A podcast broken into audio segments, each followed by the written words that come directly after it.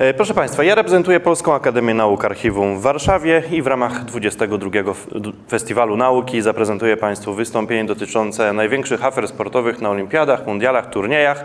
Oprócz tego, że reprezentuję Polską Akademię Nauk Archiwum i regularnie bierzemy udział w Festiwalu Nauki już od wielu lat, to reprezentuję również swój kanał na YouTubie, który możecie Państwo bez problemu odszukać o nazwie Oblicza XX wieku. Jest to kanał popularno-naukowy o charakterze historycznym i na którym również elementy sportowe jak najbardziej się pojawiają w kontekście XX wieku.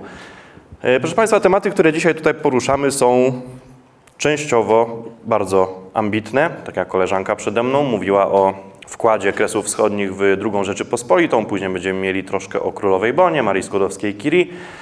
A ja troszkę tak w ramach odprężenia chciałem Państwu poopowiadać, poopowiadać o różnego rodzaju aferach, mm, skandalach dotyczących właśnie zjawisk sportowych. Tak przygotowując się do tego wystąpienia, w zasadzie zorientowałem się, jak bardzo tych skandali dużo jest. Szczególnie w kontekście XXI wieku. Ja mam wrażenie, że XXI wiek obfituje w taką ilość skandali wśród sportowców, że XX wiek jakby można tutaj spo- spokojnie wyodrębnić, to jest mniej więcej taka sama liczba skandali w XX wieku i XXI dzisiaj. Można spokojnie zostawić to pod względem liczebnym i wiele rzeczy będzie, tak powiem, bardzo podobnych.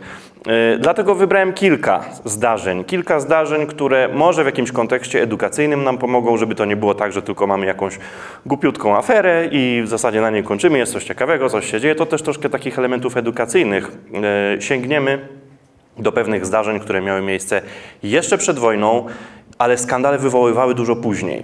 Więc y, wybrałem kilka takich zdarzeń z zakresu polskiego sportu, ale również tego z zagranicy. Parę pojedynczych zdarzeń, y, które oczywiście powtarzają się za każdym razem. Za każdym razem to znaczy, jeżeli jeden skandal miał miejsce w danym miejscu, w danym kraju, w danym, podczas danego turnieju, to na pewno powtórzy się on za jakiś czas gdzie indziej. Yy, I też od razu chciałem Państwa uprzedzić, że nie będę mówił o dopingu, bo doping jest rzeczą tak powszechną, że w zasadzie tylko jeden raz nam się tutaj to pojawi. Yy, Doping już nie jest aż takim skandalem, że można by to było tak mocno e, wyolbrzymiać na tą chwilę. Oczywiście nie mówię, że się z tym zgadzam. E, Natomiast e, pominąłem zagadnienia dopingowe. Chodziło mi bardziej o, o nieco bardziej skomplikowane zdarzenia. Proszę Państwa, zacznę od, z racji tego, że obchodzimy stulecie niepodległości, to mi się wydaje, że warto zacząć od II Rzeczypospolitej i od słynnej Stanisławy Walasiewicz albo tudzież Walasiewiczówny, która od, o- w Stanach Zjednoczonych nosiła imię, nazwisko Stella Walsh. E, Dlaczego od niej warto zacząć? Dlatego, że proszę Państwa, przed wojną, czyli w okresie II Rzeczypospolitej z lat 18-39, w zasadzie mieliśmy trzech sportowców, którzy zdobywali złote medale dla, dla Polski. To była Halina Konopacka jako ta pierwsza, później Janusz Kusociński, no i oczywiście Stanisława Walesiewiczówna właśnie, która zdobyła jako jedyna y, i złoto i jeszcze srebrno na, srebrno na y, kolejnej olimpiadzie. Jej pierwszy występ miał miejsce, taki poważny występ miał miejsce w Los Angeles w 1932 roku, natomiast należy pamiętać o tym, że Stella Walsh, czyli Walasiewiczówna, urodziła się wprawdzie w Polsce, ale jako niemowlę y, wyjechała wraz z rodzicami, wypłynęła w zasadzie do Stanów Zjednoczonych i tam się wychowywała w miejscowości Cleveland, która znajduje się w stanie Ohio. I Amerykanie bardzo długo przekonywali ją, żeby jednak reprezentowała Stany Zjednoczone na olimpiadzie w wyniku totalnej zawieruchy e, i trochę też tego, że sama Stanisława Walasiewiczówna czuła się przez Amerykanów bardzo niedoceniana, bo robili jej problemy z obywatelstwem, to w końcu polskie władze wykorzystały sytuację i zaproponowały Walasiewiczównie start w Igrzyskach w Los Angeles w 1932 roku, ale z białym orłem na koszulce. No i Stanisława Walasiewicz się na to zdecydowała. Wzięła udział i doszło do zdobycia drugiego, trzeciego już w zasadzie wtedy e, medalu olimpijskiego dla Polski złotego, czyli ten hymn Mazurek Dąbrowskiego przebrzmiał e, przez stadion w Los Angeles. To było bardzo wzruszające wydarzenie. E, Polacy mm, byli wtedy kadrą nieliczną wprawdzie na tych igrzyskach, ale dosyć silną udało się tych kilka medali zdobyć. Jeden w tym tutaj złoty właśnie między innymi Stanisława Walasiewiczówna. E, I to był sukces. To był sukces. Ona po latach wspominała, że czuła niesamowite wzruszenie w momencie, kiedy ten medal odbierała. Ale to przecież jeszcze nie skandal, że wygrała. E, Natomiast e, Później, cztery lata później, Stanisława Walasiewiczówna była głównym kandydatem do tego, żeby zdobyć złoty medal na Igrzyskach w Berlinie, ale niestety miała konkurenta, y, konkurentkę w zasadzie, bo tą konkurentką była e, Helen Stevens, Amerykanka nazywana potworem w pewnym sensie przez niektórych, albo olbrzymem, bardzo szybka e, dziewczyna, która wyrastała na nową gwiazdę lekkiej atletyki. Chodziło oczywiście o bieg na 100 metrów, bo tym się obie panie specjalizowały. I prasa amerykańska, i polska, i też ta niemiecka, bo to Niemcy te igrzyska organizowali, zastanawiali się, kto wygra. Czy Warsiewiczówna, czy może jednak nowa, młoda, wschodząca gwiazda Helen Stevens. No ostatecznie doszło do tego, że Warsiewiczówna zrobiła srebro, czyli wyścig na 100 metrów Przegrała, nieznacznie oczywiście, bo tam wchodzą ułamki sekund, e, natomiast Stevens wyprzedziła. Wyprzedziła Walesiewiczównę, zdobyła złoto. Sama Walesiewiczówna już potem aż tak dużych sukcesów nie osiągała. Oczywiście wygrywała na różnego rodzaju zawodach, nawet mierzyła się ze Stevens miejscami e, na niektórych zawodach, ale e, nie udało jej się ze Stevens wygrać i zdobyła srebrny medal, co oczywiście było dla Polski mimo wszystko sukcesem, ale żadnego złota w Berlinie na przykład nie zdobyliśmy. Przywoziliśmy co najwyżej srebrne, tudzież brązowe mm, medale. E, ale dlaczego tak naprawdę jest skandal ze Stanisławą Walesiewiczówną? Z jednej zasadniczej przyczyny. Przez całe jej życie ludzie podejrzewali różne rzeczy. Natomiast nikt nigdy nie mówił niczego wprost. Ona była odznaczona przez prezydenta, e, spotykała się z największymi celebrytami II Rzeczypospolitej, była rozpoznawalna. Ona jak przyjeżdżała do Polski, bo mieszkała w Stanach na stałe, jak przyjeżdżała do Polski, to dla wielu to było święto. Hucznie witana na dworcach, jak celebryta, jak taki współczesny celebryta. Natomiast kluczowym zdarzeniem, proszę Państwa, było 4 grudnia 1980 roku. W tym dniu Stanisława Walasiewiczówna, nasza Stella Walsh, e, pojechała do centrum handlowego kupić biało-czerwone wstążki dla polskich koszykarek w Cleveland. To było w centrum handlowym w Cleveland, czyli w Stanach Zjednoczonych. No i w momencie, kiedy poszła na parking, zorientowała się, że ktoś próbuje włamać się do jej samochodu. No z racji tego, że Walasiewiczówna była dosyć osobą taką prężną i charakterną, zaatakowała napastnika, ale w wyniku zawieruchy została zastrzelona. Postrzelona na razie, ale no w szpitalu zmarła. Straciła życie. W Stanach Zjednoczonych jest tak, że jeżeli ktoś zostanie umrze w wyniku nienaturalnych e, zdarzeń, to robi się sekcję zwłok. No i tą sekcję zwłok Walasiewiczównie zrobiono. I co się okazało? Koroner oficjalnie potwierdził, że Stanisława Walasiewiczówna miała nie do końca wykształcone męskie organy rozrodcze. A to oznacza, że była hermafrodytą. Ciężko określić jednoznacznie, co znaczy nie do końca wykształcone organy męskie. Y, wiele osób do dziś to podważa. Podważa to jej rodzina. Najbardziej zdziwiony był jej mąż, bo miała męża. Y, gdy się o tym wszystkim dowiedział. Natomiast nie wiadomo, czy to małżeństwo nie zostało zawarte głównie dlatego, żeby jednak ubiegać się o obywatelstwo. Stąd może też jego zdziwienie. Y, ale nikt się tego y, aż tak nie spodziewał. Owszem, jak się czasami jej przyglądano z bliska, no to można było pewne męskie cechy zauważyć, ale w zasadzie Helen Stevens, która z nią wygrała w roku 36, wzięta została od razu na badania, bo podejrzewano, że jest mężczyzną. I co złe, co najgorsze, proszę Państwa, to Polacy wystosowali wniosek, że o, Stevens wygrała, czyli na pewno facet. I przebadano Stevens, okazało się, że y, kobieta Walasiewiczówna w ogóle się wtedy nie odzywała ponoć. Tak jakby troszkę obawiała się, że za chwilę ktoś jej też może badania zrobić. E, natomiast ogólnie nikt niczego nie podejrzewał. W tym 80 roku to wyszło na jaw i w zasadzie Walesiewiczówna no stanęła, może nie tyle ona, bo już nie żyje, ale E, Komitet Olimpijski stanął przed dylematem, co robić.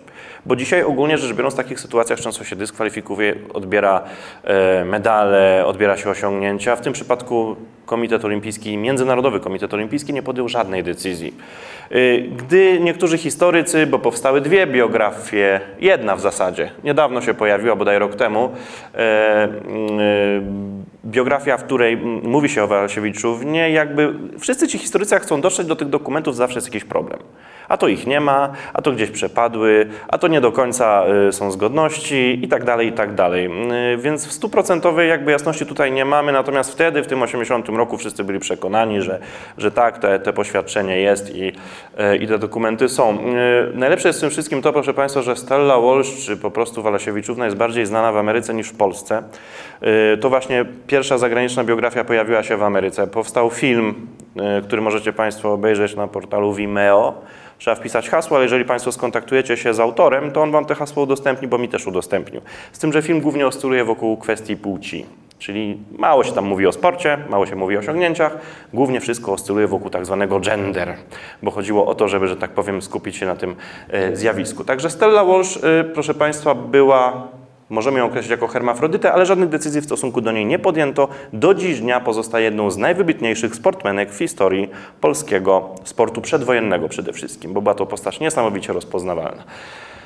E, No, skoro jesteśmy, proszę Państwa, przy mm, Stanisławie Walasiewiczuwnie, to nie sposób powiedzieć o Ewie Kłobukowskiej, którą bardzo skrzywdzono. Zarzuty były te same.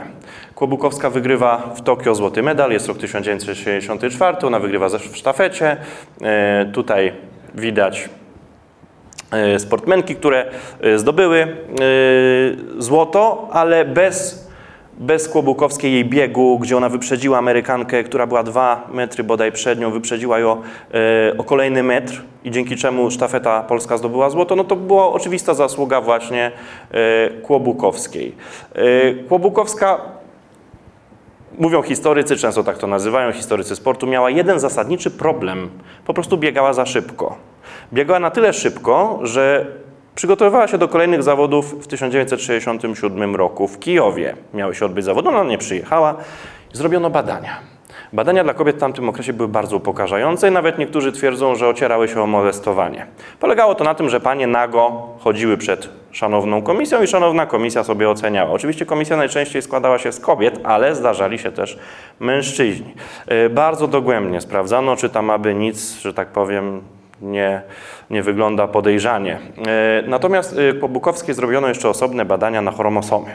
I o ile powinien być chromosom XX, to jej wyszło XXY czyli jakieś odstępstwo od normy, co wskazywałoby, że, jak to wtedy naukowcy mówili, czy może pseudonaukowcy, nie jest czystą, stuprocentową kobietą. Dzisiaj naukowcy, nawet już wtedy, głosili tezy, że są pewne odstępstwa, które wcale nie wskazują na to, że osoba, która ma taki układ chromosomów, y, musi być mężczyzną albo nie w pełni kobietą. Po prostu takie odstępstwa się zdarzają, są wyjątki.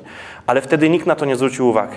Y, Kłobukowską zdyskwalifikowano, ale zagrożono najpierw, że albo się sama wycofa ze sportu, albo sprawę nagłośnimy, będzie skandal. Skandal i tak był, bo o ile w Polsce dużo się na ten temat nie pisało, to za granicą pojawiały się artykuły, w anglojęzycznej prasie na przykład, mówiące o tym, że Ewa Kłobukowska, złota medalistka to facet, prawda, i tego typu skandaliczne y, nagłówki, które bardzo krzywdziły Kłobukowską, bo jak się później okazało, ona z mężczyzną nie miała nic wspólnego pod kątem płci. Było to jedno wielkie oszczerstwo. Zgłosili to przedstawiciele NRD i Związku Sowieckiego, którzy prawdopodobnie, z którymi zresztą ona często rywalizowała i często ich y, często z nimi wygrywała. Być może obawy, które pojawiły się wtedy przed tymi zawodami w Kijowie, spowodowały, że bardzo ochoczo zajęto się tą sprawą, bardzo dogłębnie ją zbadano, ale powierzchownie wydano decyzję o tym, żeby Kłobukowską po prostu odsunąć.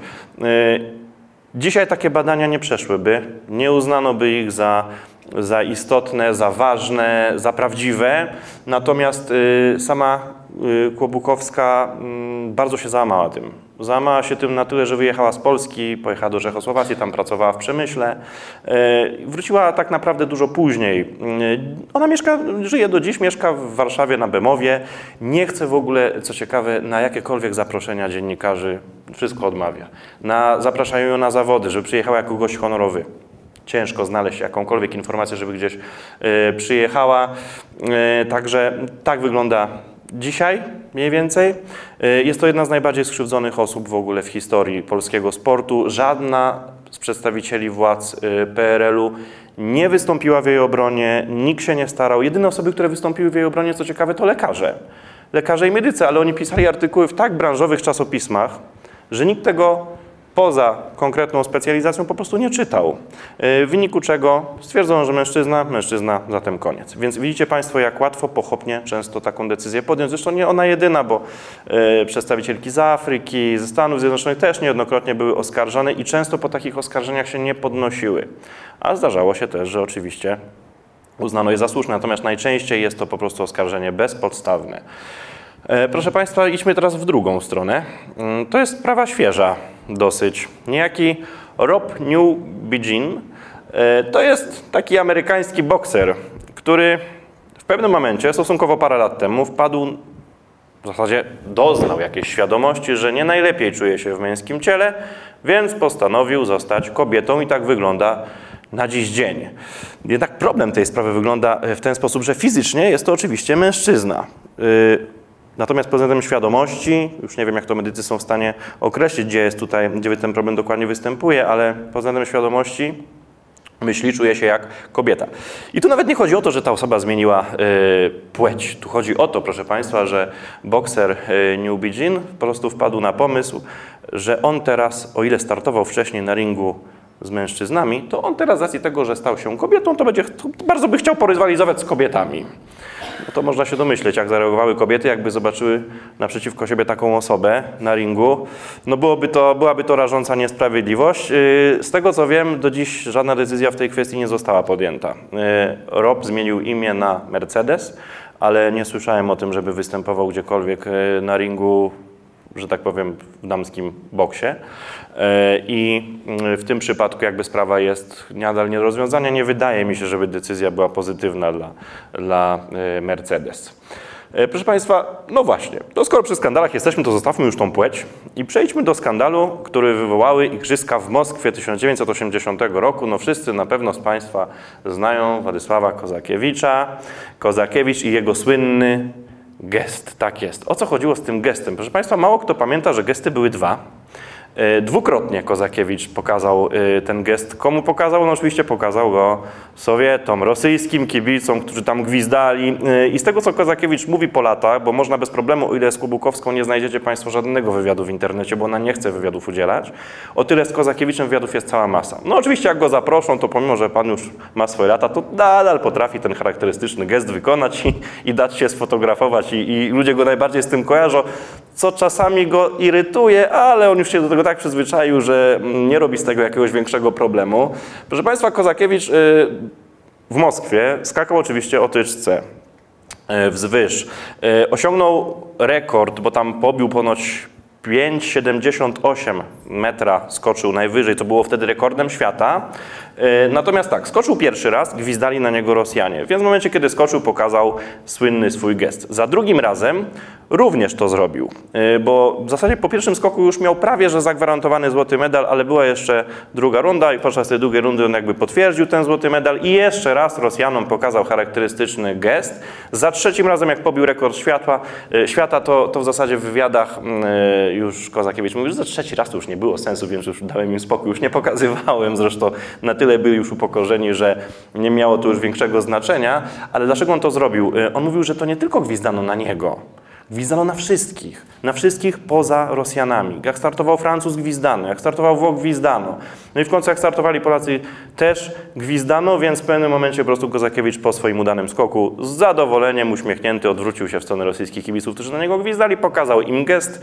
Później jak on to mówił, to chodziło mu o to, żeby tak jakby chciał im powiedzieć, teraz to tyle możecie mi zrobić, tyle możecie mi pokazać, prawda? Więc to było charakterystyczne. Natomiast y, mało kto pamięta, że Kozakiewiczowi ten gest zmarnował karierę, proszę Państwa, bo Kozakiewicz wraca do kraju, wtedy była taka tradycja, obiecano, że każdy Polak, który wróci y, z igrzysk ze złotym medalem dostanie poloneza. 80 rocznik, FSO, to był ten polonez. Udało mi się znaleźć z 80 roku fotografię. No i miał tego poloneza dostać. E, Ale okazało się, że nie będzie poloneza. Nie będzie poloneza, ponieważ władze stwierdziły, że jest kryzys, jest bieda, więc polonezów dawać, rozdawać nie będzie, bo to będzie fatalnie wyglądać. Natomiast sam Kozakiewicz, e, chociaż poloneza nie dostał, to jednak e, w Gdyni, bo mieszkał w Gdyni, tam był bohaterem. On jak się pojawiał na ulicy, to po prostu kobiety jak wracały z zakupami, to rzucały torby i się rzucały na niego, żeby go, prawda, przytulić i pogratulować i jakby też odwdzięczyć za to, że on tym Rosjanom ten charakterystyczny gest pokazał. W kolejkach, jak Kozakiewicz szedł po e, mięso, panie wybierały zawsze najlepsze e, e, rodzaje. Natomiast jeżeli chodzi o same kolejki, to często puszczano go bez. To znaczy nawet ci, którzy stali, puszczali go pierwszego, żeby przychodził. On oczywiście się nie chciał na to zgodzić. Tam, prawda, zaraz dochodziło do jakichś takich e, e, aluzji, że musiał opowiedzieć o tym geście. No nie było to tak jak dzisiaj, że w internecie znajdziemy wywiad, wypowiedź i sobie obejrzymy. Wtedy każdy chciał wiedzieć, jeszcze bezpośrednio od niego to już było coś. E, A zatem Kozakiewicz, e, proszę Państwa, wrócił jako bohater, ale władze zaczęły mu się bliżej przyglądać. W momencie, kiedy dochodziło do kolejnych zawodów, na które już podaj cztery razy dostawał zaproszenie Kozakiewicz do Australii, e, władze za każdym razem odmawiały mu wyjazdu.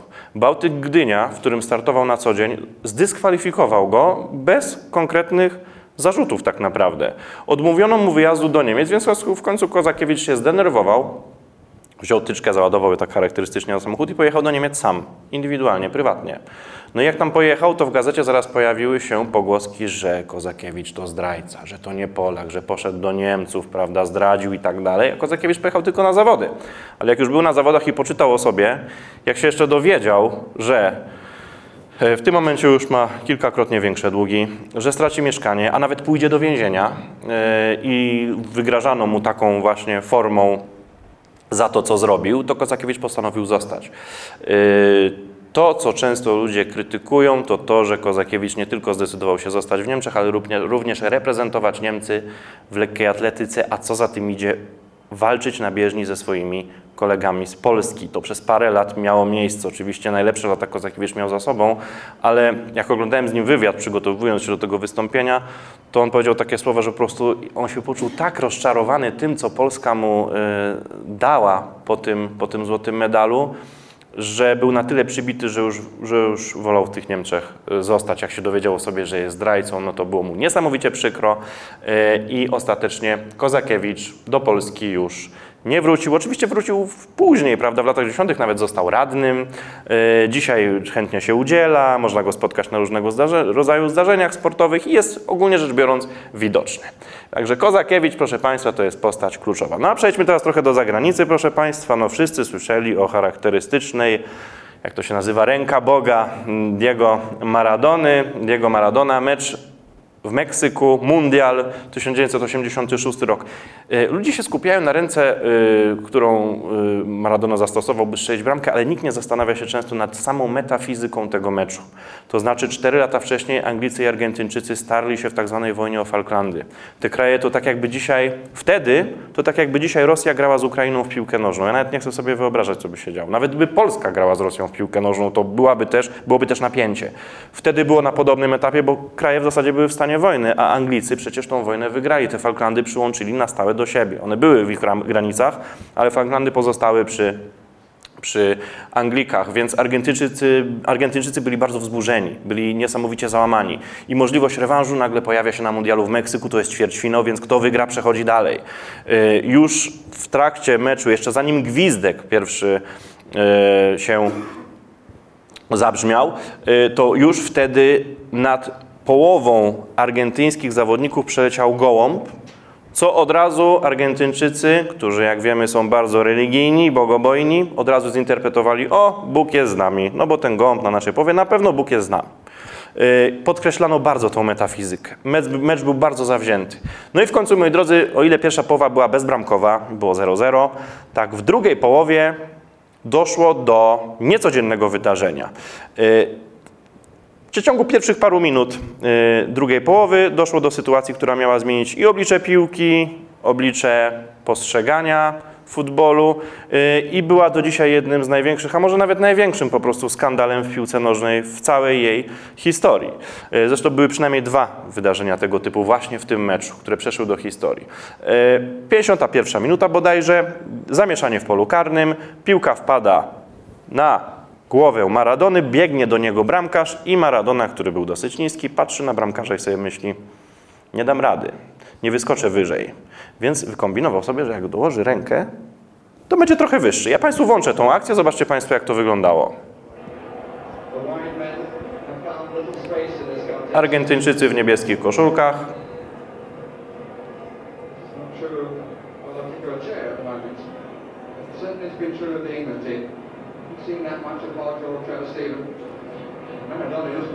Steve.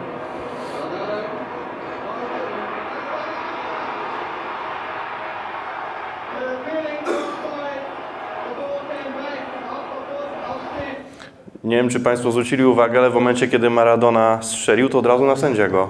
Widział czy nie? A sędzia na środek, brameczka, prawda? Od razu, od razu kieruje piłkę na, na środek. Maradona się cieszy. Anglicy już niektórzy protestują i jak to Maradona później powiedział, oni protestowali, ale nie dlatego, że widzieli tą rękę, tylko dlatego, że nie mogli uwierzyć, jak mogłem wyskoczyć wyżej niż e, bramkarz Shilton. E, Nie mogli tego pojąć, więc na pewno podejrzewali, że gdzieś ta ręka to było tak słabo widoczne, ale jak popatrzymy na zdjęcia, powtórki telewizyjne, no to to jest ewidentne, że on tą ręką zagrał i ten gol padł. E, Proszę Państwa, ten mecz w ogóle przyszedł do historii nie tylko dlatego, że ta ręka tam była i potem Maradona palnął w wypowiedzi dziennikarskiej, że to ręka Boga, co niektórzy od- odebrali jako cynizm, ale z drugiej strony odebrano to jako tą metafizykę meczu, że biedni Argentyńczycy nie mogli zgodnie z zasadami wygrać z Anglikami, więc Bóg dopomógł i dlatego pomógł i legal, zalegalizował im gola ręką. Stąd też takie określenie tej charakterystycznej ręki Boga, o której Maradona wspominał. Oczywiście on się po latach z tego wycofywał, trochę na luzie do tego podchodził. E, Nawet doszło do sytuacji takiej, że Maradona spotkał się e, z sędzią spotkania. Parę lat temu panowie się spotkali. No Ten sędzia już jest dosyć starszawy, e, ma swoje lata. Ali Benakur, tak się nazywał ten sędzia z Tunezji. Wymienili się panowie koszulką, tam zdjęciem z meczu, prawda, bardzo sympatycznie, sfotografowali się.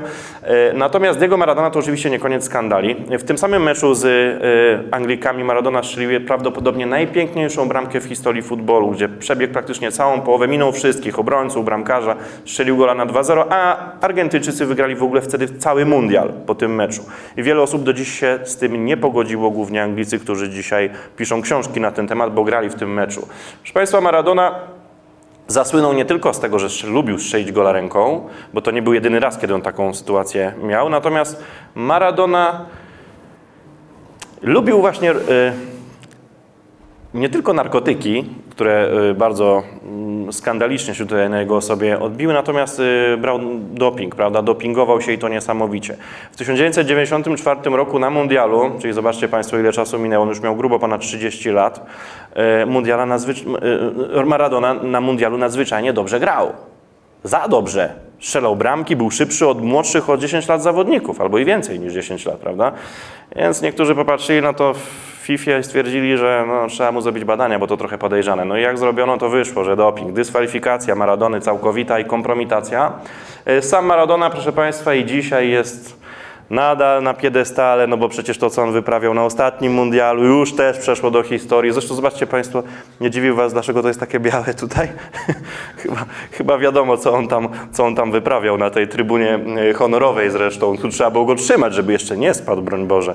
E, Także no Maradona nadal, nadal e, lubi być skandaliczny. W Argentyńczycy Argentyńczycy często patrzą na niego z takim przymrużeniem oka, bo dla nich to tak, papież, Messi, no i Maradona, takie ikony tego kraju, gdzie to każdy wie, że to Argentyńczycy. To często takie nawet flagi z tymi trzema twarzami się pojawiają na meczach Argentyny w samej Argentynie, więc wiele się Maradonie wybacza.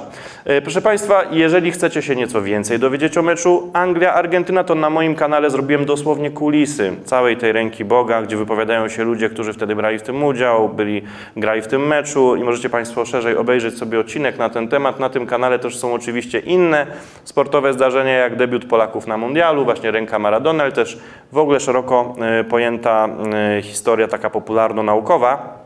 Oczywiście tych skandali, afer było dużo, dużo więcej w historii sportu. Na pewno moglibyśmy tutaj mówić o tym bez końca, ale myślę, że e, to w pewnym stopniu naświetliło pewne e, problemy. To moje wystąpienie tutaj dla Państwa. Ja bardzo Państwu dziękuję za uwagę, no i życzę dalszej kontynuacji, mam nadzieję, sympatycznej Festiwalu Nauki. Dziękuję bardzo za uwagę.